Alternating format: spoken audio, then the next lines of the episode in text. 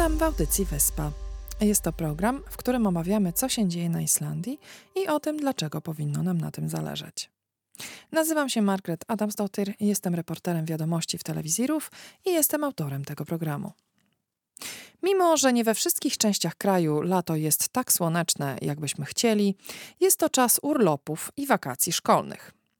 Latem częściej wyciągamy z szuflady stroje kąpielowe, szczególnie, że mieszkając w Islandii nigdy nie mamy daleko na basen. Basenów jest tu w kraju ponad 150.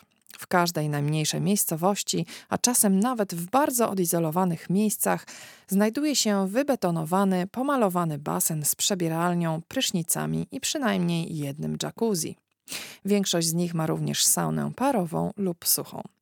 Wszystkie te baseny są otwarte całym rokiem i są dostępne za niewielką cenę, a w większości gmin można uzyskać refundację za swoją kartę wstępu na basen.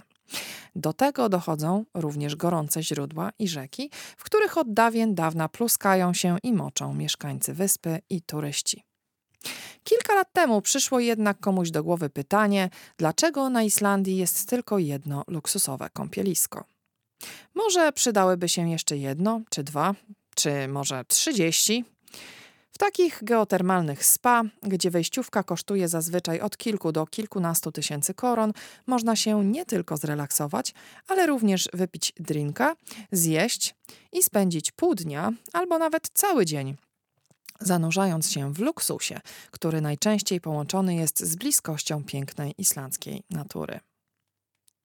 Wydaje się, że Islandczycy w ciągu ostatnich kilku lat znaleźli nowy sposób na to ulubione przez nich spędzanie wspólnego czasu, budując całą nową generację luksusowych kąpielisk. W dzisiejszym odcinku wybierzemy się w podróż dookoła Islandii, aby zapoznać się z pojawiającymi się jak grzyby po deszczu kąpieliskami geotermalnymi. Gościem dzisiejszego odcinka jest Wiola Ujazdowska – artystka wizualna, scenografka i kuratorka sztuki. W ostatnim noworocznym programie satyrycznym Aura Motaskoipys Islandczycy wyśmiali powstające wszędzie food courty. Mamy już ich kilka w Reykjaviku, jeden w Kwaragierdy, jeden w Selfosie i najnowszy właśnie powstaje w Akureyri. Jeszcze większym trendem ostatnich lat wydaje się być jednak budowa luksusowych kąpielisk geotermalnych, których jest już w kraju całkiem sporo. Aktualnie są dodatkowo w budowie przynajmniej cztery nowe kąpieliska. Królowa islandzkich kąpielisk, Błękitna Laguna, nazwana na jakiejś liście atrakcji turystycznych jednym z siedmiu cudów świata, przez wiele lat była jedynym gorącym źródłem na Islandii, które można było określić jako spa. Blue Lagoon przez długi czas była jedyna w swoim rodzaju. Powstała przypadkiem w 1974 roku podczas odwiertu pod elektrownię Swarcenki. Woda sama zaczęła wypływać na powierzchnię i utworzyła lagunę o niezwykłym niebieskim kolorze. Ludzie szybko zaczęli się w niej kąpać i zrobiła się popularna wśród Islandczyków. Dało się również słyszeć o tym, że chorzy na łuszczycę i inne choroby skóry zaczęli odczuwać poprawę po kąpielach w lagunie. Wybudowano tam więc obiekt z saunami, sklepem i restauracją, który otworzył się w 1987 roku. Wkrótce pojawiła się linia kosmetyków, szlafroki, bar w wodzie i kąpielisko szybko stało się najpopularniejszym miejscem turystycznym na Islandii, a także na całym świecie.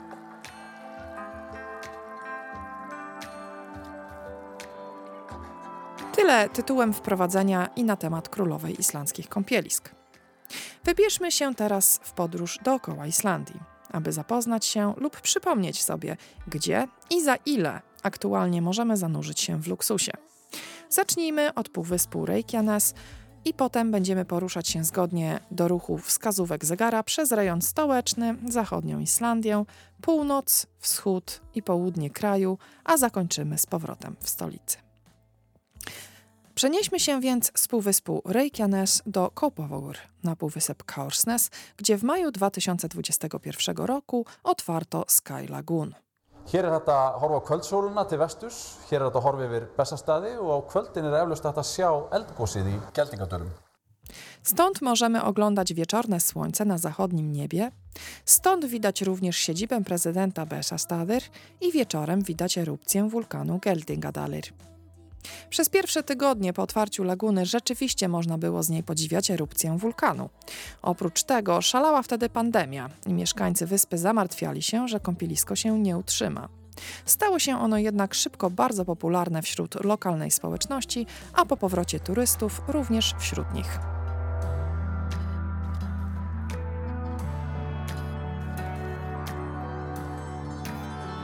Inwestycja wyniosła 5 miliardów koron i Sky Lagoon udowodniła, że jeżeli ma się wystarczająco pieniędzy, można w do niedawna przemysłowej dzielnicy stworzyć namiastkę raju. W wejściu do laguny okalają nas wysokie i ciemne skały, a po przejściu przez wijący się korytarz pojawia się przed nami basen bez krawędzi z widokiem na ocean. Sam budynek ma 3200 metrów powierzchni, z czego 600 metrów to powierzchnia użytkowa dla gości. W jednym z pomieszczeń na kąpiących się pada chłodna mgiełka wodna, a w suchej saunie jest największa szyba w Islandii. Cena wejściówki z rytuałem spa to 9900 koron.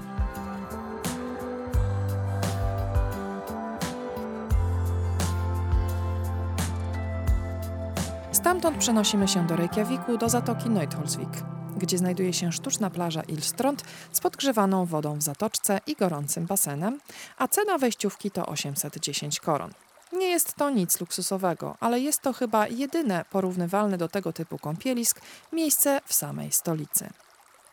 Jadąc dalej na północ, zatrzymajmy się w Akranes, gdzie na plaży Santyr w samym centrum miasta w 2018 roku wybudowano basen Gwydlich. Jest to niewielki basenik na dwóch poziomach, ale roztacza się z niego niesamowity widok na Zatokę Faksa i okolice. Wstęp kosztuje jedyne 500 koron i przy basenie jest przebieralnia i toaleta. Odważni lub nasi znani zimnolubni z pewnością pobiegną prosto do oceanu, aby ochłodzić się po dość gorącej kąpieli. Dla ciekawostki dodam, że od otwarcia basen odwiedziło 30 tysięcy osób. W tym samym rejonie, bo jedyne 40 minut jazdy od Reykjaviku, w fiordzie Wielorybim czyli Kvalfjordur, były właściciel linii lotniczej Wow Air, Skuli Mogensen, otworzył na swojej prywatnej posiadłości kąpielisko Kwamsvik.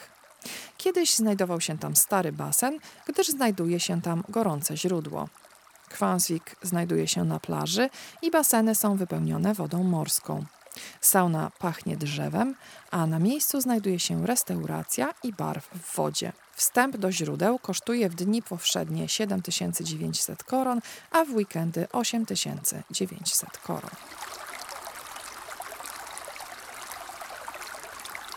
Stamtąd przenieśmy się do Borgarfjörður, gdzie znajdują się kąpiele Kröjma, wybudowane przy najpotężniejszym źródle geotermalnym w Europie o nazwie Deildartungukver. Kąpielisko ma kilka basenów, sauny i pokój do relaksacji z wiszącym kominkiem. Na miejscu jest również tradycyjnie zarówno restauracja, jak i bar. Wstęp kosztuje 11 800 koron. W tym samym rejonie, ale dalej w głąb lądu, w górach za Husafetl, znajduje się małe kąpielisko Gileaböden. Miejsce zostało uznane przez portal Culture Trip za najlepsze doświadczenie podróżnicze roku 2022. Źródła nie są łatwo dostępne, bo trzeba się do nich dostać pieszo, idąc przez pole lawy, obok dwupoziomowego wodospadu Longifos i na koniec jeszcze zejść 64 stopnie w dół. Na stronie kąpieliska czytamy, że cytuję: Dołożono wszelkich starań, aby cała konstrukcja była jak najmniej uciążliwa dla środowiska, zrównoważona i wierna dziedzictwu tej okolicy. Do wyboru są dwa baseny geotermalne o różnych temperaturach od 30 do 41 stopni Celsjusza, każdy ze spektakularnym widokiem na otaczający kanion, góry i lodowce. Baseny są zbudowane z lokalnych, naturalnych materiałów, takich jak piaskowiec łupkowaty z dna kanionu i są zasilane gorącymi źródłami. Są zaprojektowane tak, aby płynnie wtapiać się w otoczenie. Znajdująca się na miejscu łaźnia wykonana jest z odzyskanego drewna z okolicy, a nawet haczyki w przebieralni są ponownie wykorzystanymi podkowami z pobliskiej rodzinnej farmy. Koniec cytatu. Wstęp do tego cudu natury kosztuje 9900 koron. Kontynuując podróż po kraju i jadąc drogą numer 1, musimy przejechać aż 350 km do Aurskogsandur na północy Islandii, gdzie znajdują się łaźnie piwne Bjorpöðin, wybudowane przez lokalny browar Kaldy. Obiekt powstał w roku 2017 i goście mogą nie tylko zanurzyć się w piwie, ale również podjeść i popić, tak, oczywiście piwem. Wstęp kosztuje 17 900 koron za osobę. Jeżeli się tam zatrzymacie, pamiętajcie, że ktoś musi potem poprowadzić samochód. Do następnego kąpieliska nie jest jednak daleko, bo znajduje się ono na obrzeżach Akureyri, niecałą godzinę jazdy i nazywa się Skogarböðin, czyli w luźnym tłumaczeniu leśna laguna. Árið 2014 fundu verktakar í Vaðlaheiðargöngum rúmlega 40 gráðu vatn. W vatn 2014 roku budujący tunel Vaðlaheiðargöng natknęli się na źródło gorącej wody o temperaturze 40 stopni. Od wtedy gorąca woda leciała ze źródła do oceanu. Teraz jednak zdecydowano się ją wykorzystać. Kąpielisko posiada dwa baseny, suchą fińską saunę, zimny basen, restaurację, nie jeden, ale dwa bary w wodzie, co prawda z tym samym asortymentem, a lagunę otaczają wysokie drzewa i roztacza się z niej piękny widok na Eyjafjord i Akureyri.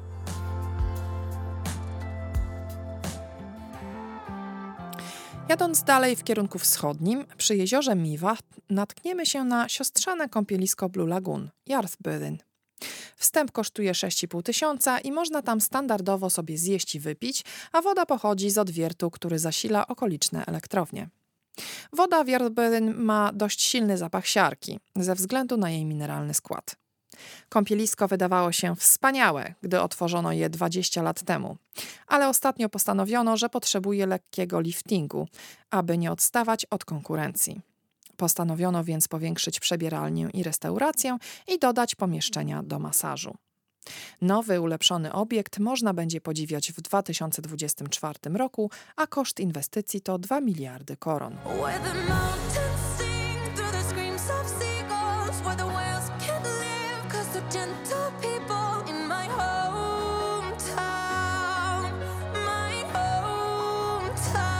Jadąc jeszcze dalej na północny wschód, docieramy do Husawiku, gdzie znajduje się kąpielisko GOC, które otworzyło się w roku 2018. Można się tam kąpać w podgrzanej wodzie morskiej, wspaniałym widokiem na zatokę Skjolvandy. Baseny znajdują się na urwisku przy latarni morskiej, a bilet kosztuje 5990 koron.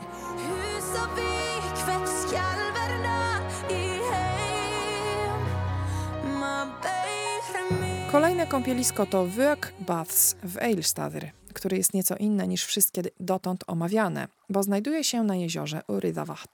Na stronie kąpieliska czytamy, że, cytuję, w Vök Baths znajdują się pływające baseny geotermalne, bez krawędzi, z widokiem na jezioro. Dwa gorące baseny na brzegu, sauna i tunel z zimną wodą, a także bar herbaciany, bar w basenie oraz restauracja Vök Bistro. Koniec cytatu.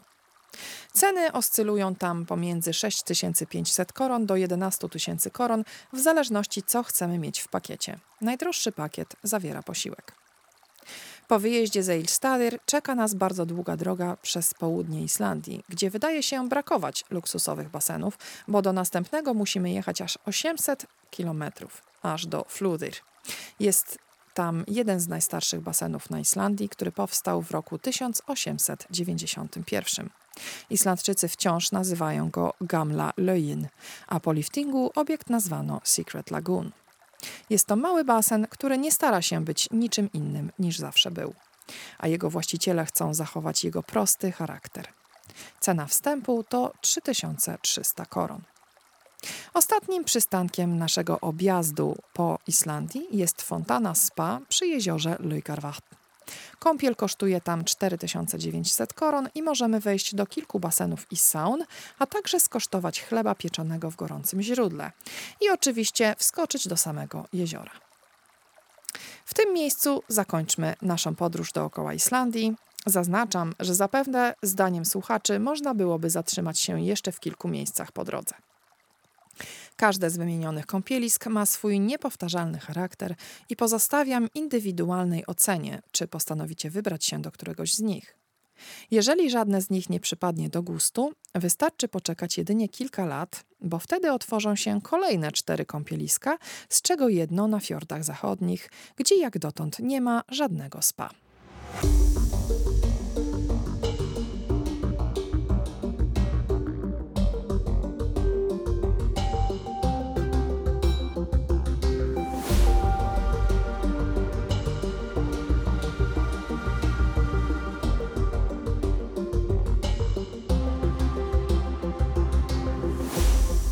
Gościem dzisiejszej audycji jest Wiola Ujazdowska, artystka, wizualna scenografka i kuratorka.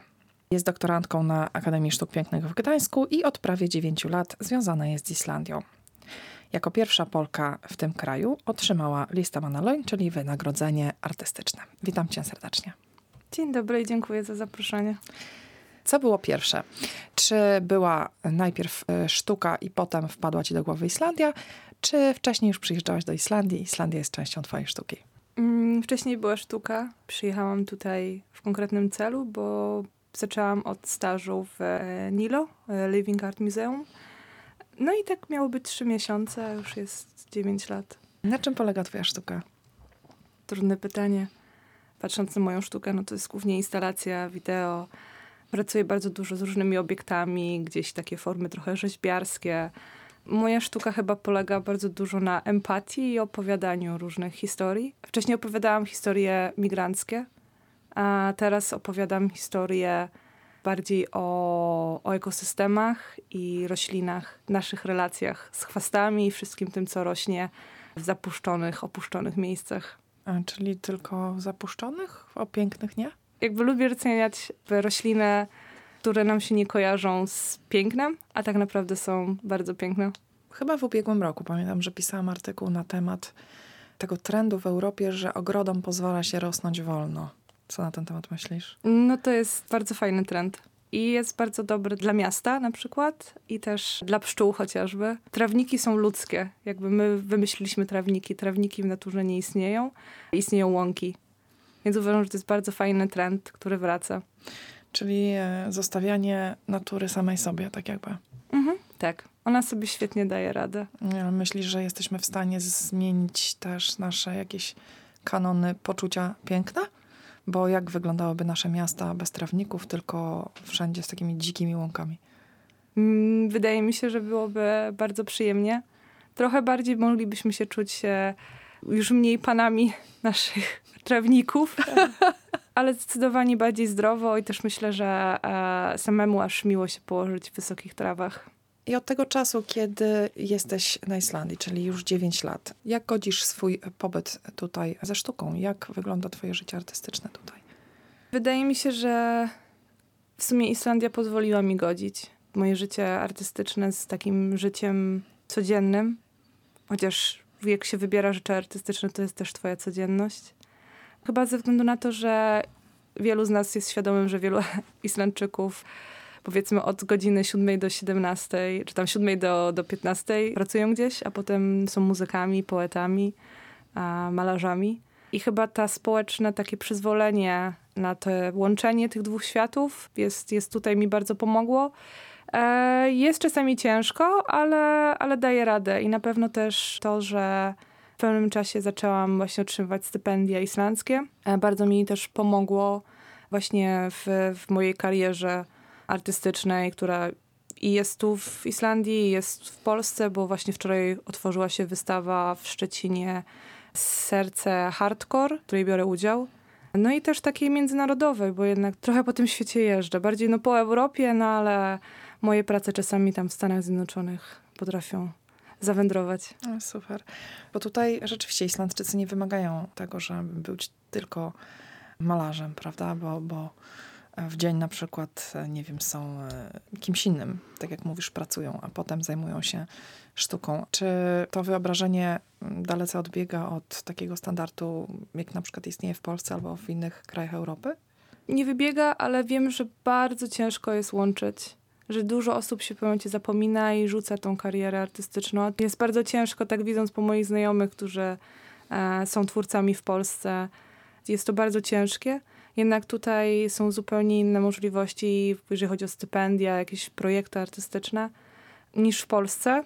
Nie oznacza, że to jest łatwiej, ale e, jest więcej tych możliwości.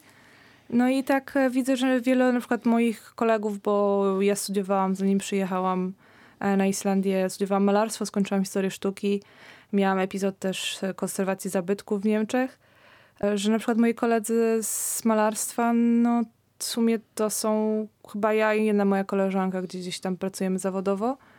Ciężko jest w Polsce przynajmniej łączyć te prace, że naprawdę trzeba się poświęcić, a jeszcze jak ktoś ma rodzinę, dzieci, no to już jest e, bardzo, bardzo ciężko. Jak było z tym pierwszym wynagrodzeniem artystycznym? Mówisz, że przed tobą żaden Polak go nie otrzymał. Czy to w jakiś sposób było dla ciebie trudne? Czy to zostało zauważone? Ja jestem taką osobą, że jak sobie coś postanowię, to to, to osiągnę i kwestia jest tego, że po prostu ja się uczyłam pisać wnioski. I tak długo pisałam ten wniosek na lista Manaloin, że mi się w końcu udało. Czy ciężko? No tak, no jest, jest ciężko i w szczególności, że no w tym momencie jest też duża konkurencja. No, jest dużo tych osób, które ubiegają się o to stypendium artystyczne? Jest dużo osób, tak, tak, tak. No bo nie ukrywajmy, to jest wynagrodzenie artystyczne, jest to wypłata za, za to, że jesteś twórcą i tego wynagrodzenia artystycznego też można opłacić te rachunki. Aby dostać to wynagrodzenie, Mhm. musisz mieć plan, tak? Czyli musisz tak jakby na koniec tego okresu, no nie wiem, coś konkretnego stworzyć, tak? E, Niekoniecznie. Akurat w moim przypadku było tak, że w przypadku pierwszego lista Manaloin jakby ja złożyłam projekt, który miał być takim projektem bardziej badawczym. e, Badawczym w kontekście artystycznym. Jakby po prostu, że gdzieś sobie podejmuję pewien temat i następnie potem rozliczam się, pokazuję to, co zrobiłam przez ten czas. Więc e, niekoniecznie jest to coś takiego, że tak jak teraz, ze względu, że jest tak duża konkurencja, w większości przyznawane są właśnie te wynagrodzenia artystyczne dla artystów, którzy na przykład mają wystawy. Albo na przykład książkę piszą. Dokładnie, tak? Czy tak. takiego. Czy jest, jest to powiedzmy, jest wynik miarodajny. Mhm. Em, coraz mniej jest właśnie takie po prostu poszukiwanie artystyczne, a jakby z mojego punktu widzenia to jest też niezmiernie ważne w tym zawodzie, bo czasami, nie wiem, malujesz 10 obrazów i tylko jeden jest dobry, Rozumiem. a trzeba mieć czas i pieniądze, żeby namalować te 10 obrazów. Mówisz, że masz w planach dwie wystawy tutaj u nas i jedna otworzyła się w Szczecinie. Czy możesz opowiedzieć, co możemy zobaczyć? Tak, wczoraj otworzyła się wystawa zbiorowa w Szczecinie i to jest w ogóle praca, która powstała w Islandii. O, A, tak, jest to praca, która powstała dwa lata temu na potrzeby festiwalu Plontutit. Zrobiłam performance, w którym dziękowałam owcy za cały trud włożony w jakby naszą koegzystencję zwierząt domowych z nami ludźmi. No bo tak naprawdę, gdyby nie zwierzęta domowe, tak ciężko byłoby nam tak. Przetrwać. Mhm. E, więc jest pokazywana ta praca. Kolejna rzecz, e, no to za miesiąc pierwszego, już niecały miesiąc, e, 1 lipca mam wystawę w Olafsfjordur. Po polsku tytuł będzie Wszyscy popłyniemy w kierunku północy. I to jest wystawa poświęcona bankowi nasion na Svalbardzie. Bank to czy nasion, nasion. trawy, czy nasion czego? Wszystkich. Bo kwestia jest tego, że na Svalbardzie istnieje takie coś, taka wielka lodówka, Wow, tak. Wielka lodówka, która gromadzi wszystkie nasiona, jakie są na świecie, że każde państwo... po, na Svalbardzie? A Tak, dlaczego tam w ogóle? bo właśnie tam jest nasza światowa lodówka. Okej. Chodzi o to, że e, gdyby coś się stało, Okej. jakaś globalna katastrofa, rządy świata wiedzą o tym, żeby kogoś wysłać właśnie na Svalbard i tam ewentualnie, jeżeli na przykład zaginą jakieś rośliny, na przykład rośliny, którymi my się żywimy, które na przykład są potrzebne nam do przetrwania, to tam te wszystkie nasiona są. O, w odpowiedniej ilości, żeby W ich starczyło na roz, Tak, każdy, każdy, tak. Wow, okej. I byłaś tam w tej lodówce? Nie byłam, bardzo bym chciała. a To, to znaczy, to jak przedstawiłaś e, to miejsce w, e, na tej wystawie? Nie przedstawiłam miejsca, ale bardziej przedstawiam e, opowieść o, o tych nasionach i o jakby drodze jakby i o roślinach, które gdzieś tam sobie, bardziej algach, które występują na Svalbardzie, a jakby przedstawiam taką właśnie, tak sobie skojarzyłam, jak są na przykład filmy Mad Max albo Waterland i jest ta globalna katastrofa. No I coś się kończy. I zawsze w tych filmach gdzieś oni podążają. Więc ja sobie Po wymyśliłam... coś tam, żeby tak... Dokładnie. Żeby wodę znaleźć albo nie wiem. Mhm, w Mad Maxie woda, a w Waterland z kolei ziemia. Tak. I Ja tak sobie pomyślałam, że no mamy coś takiego, mamy taki bank nasion, że będziemy podążali na przykład, żeby znaleźć nasiona. Okej. I ciekawe. zrobiłam właśnie rzeźby szklane, których jakby zamroziłam. E, Wygrawerowane są wizerunki z pięciu najważniejszych nasion do przetrwania ludzkości. Wow, niesamowite. Tak. Y, W jakim miejscu jest ta wystawa w Olafsfjordur? Palshus. Palshus. Okej. Olafsfjordur to jest na północy miejscowość pomiędzy Akureyri a Siglufjordur. Dokładnie, tak. Okej. I jak długo będzie wystawa? Chyba trzy tygodnie albo dwa tygodnie, coś takiego. Okej. Dobrze. A kolejna? A kolejna będzie tu w Reykjaviku, więc e, trochę łatwiej dostępna. Będzie to wystawa też, to jest bardziej taki projekt, wystawa. A dostałam zaproszenie. Sześciu artystów wejdzie w przestrzeń Nylista Safnet, e, The Living Art Museum. I każdy z nas jakby ma zrobić jakieś działanie performatywne w przestrzeni muzeum. No i ja oczywiście zrobię coś z roślinami, ale jeszcze nie zdradzam szczegółów. Mhm. Kiedy, Będzie na pewno coś będzie? rosło. Pierwsi artyści wchodzą w przestrzeń 24 czerwca, jakby będzie otwarcie, czyli e, już niedługo, ale Mhm. ja będę albo lipiec, albo w sierpniu. Także warto, warto patrzeć na stronę The Living Art Museum, które jest Marshall House. A skąd wzięła się twoja fascynacja e, takimi roślinami na przykład? To jest taki trochę efekt e, domina, że na początku zajmowałam się historiami migranckimi i potem jakby też całe to nasze migracje związane są, jakby są nie tylko ludzkie. My migrujemy ze zwierzętami, my migrujemy z roślinami. No i zrobiłam taki projekt, gdzie rozmawiałam z, właśnie z migrantami o tym, jakie rośliny trzymają w domu. No i tak po nitce do kłębka Okej, to ciekawe bardzo. Rok temu miałam przyjemność wziąć w, w super wystawie udział mm, Republika Słońca.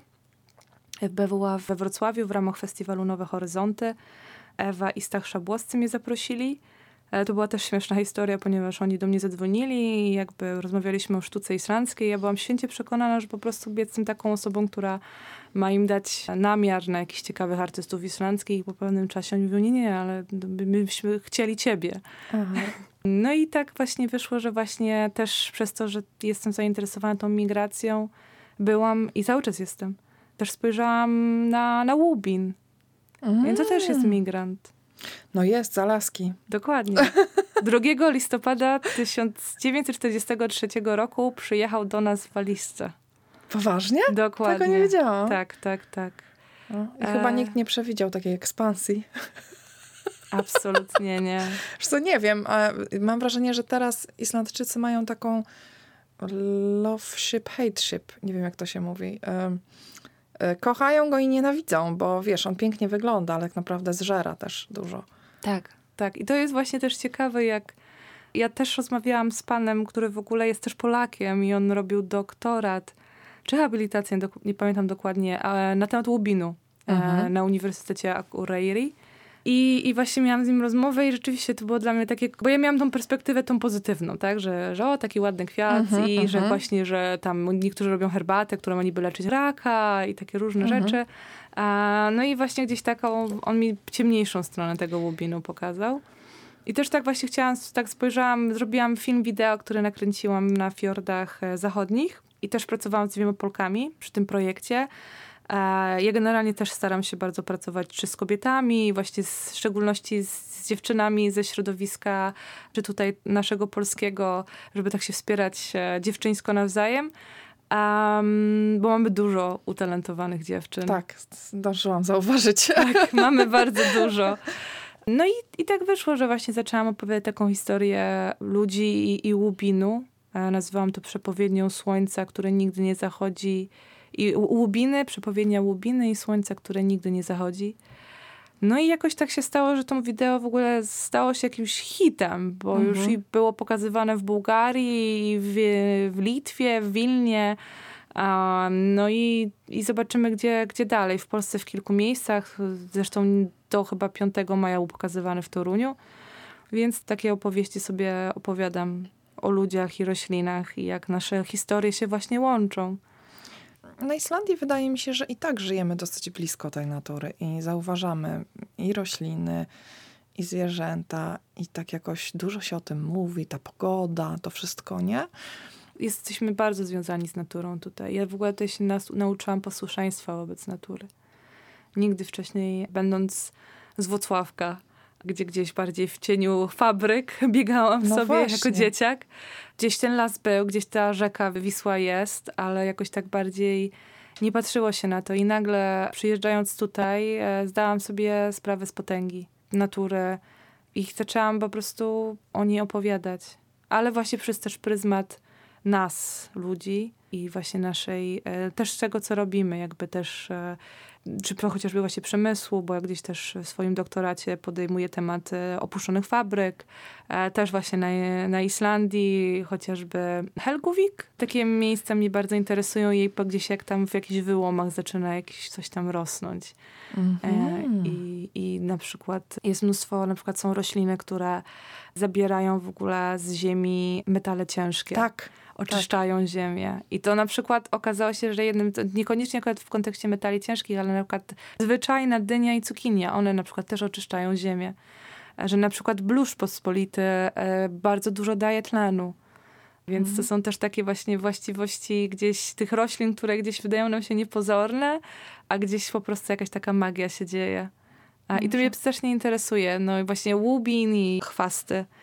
Byłam na przykład na Kauraniuce i był jeden po prostu żywokost sobie rósł.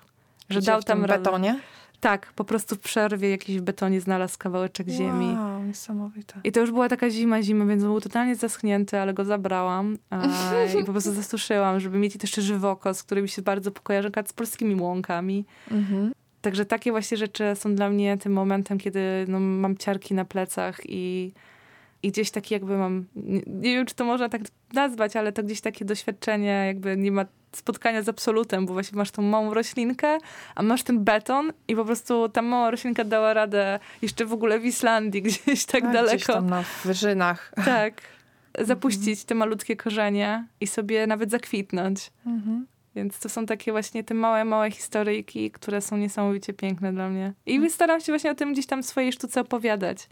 Żeby tak właśnie doceniać to, co mamy dookoła i niekoniecznie, że wiadomo, dalie, róże są fantastyczne, ale taki właśnie żywokot, mlecz. Bardziej takie pokorne. Mhm, tak, właśnie Rośliny. chyba właśnie też może ta Islandia, właśnie ta Islandia nauczyła mnie pokory i może właśnie stąd też patrzę często na te, na te pokorne rośliny, które sobie powoli, powoli drążą.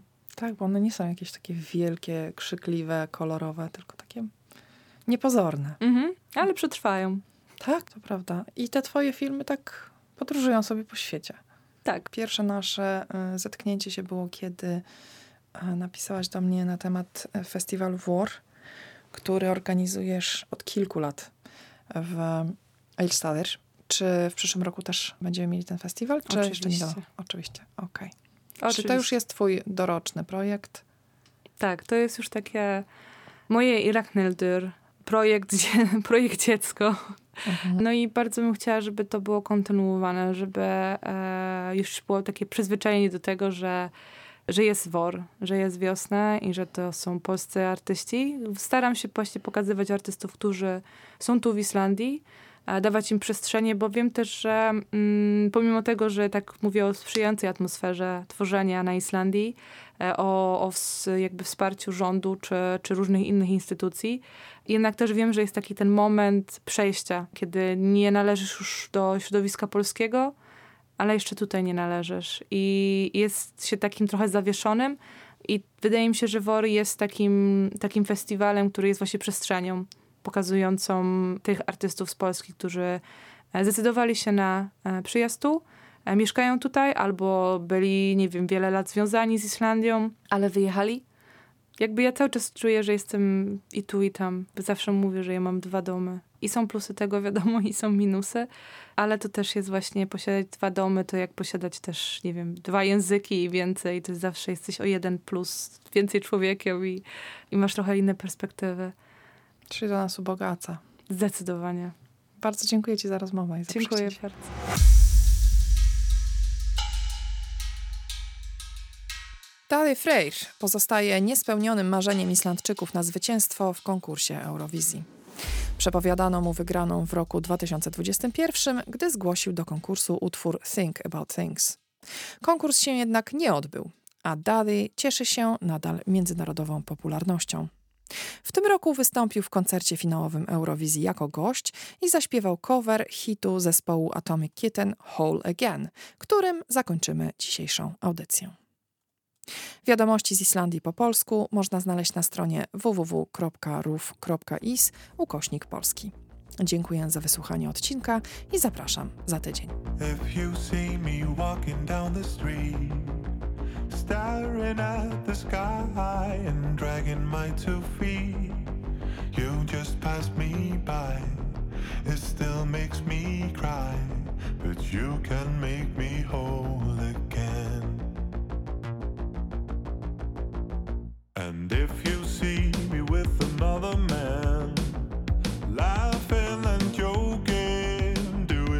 I can, I won't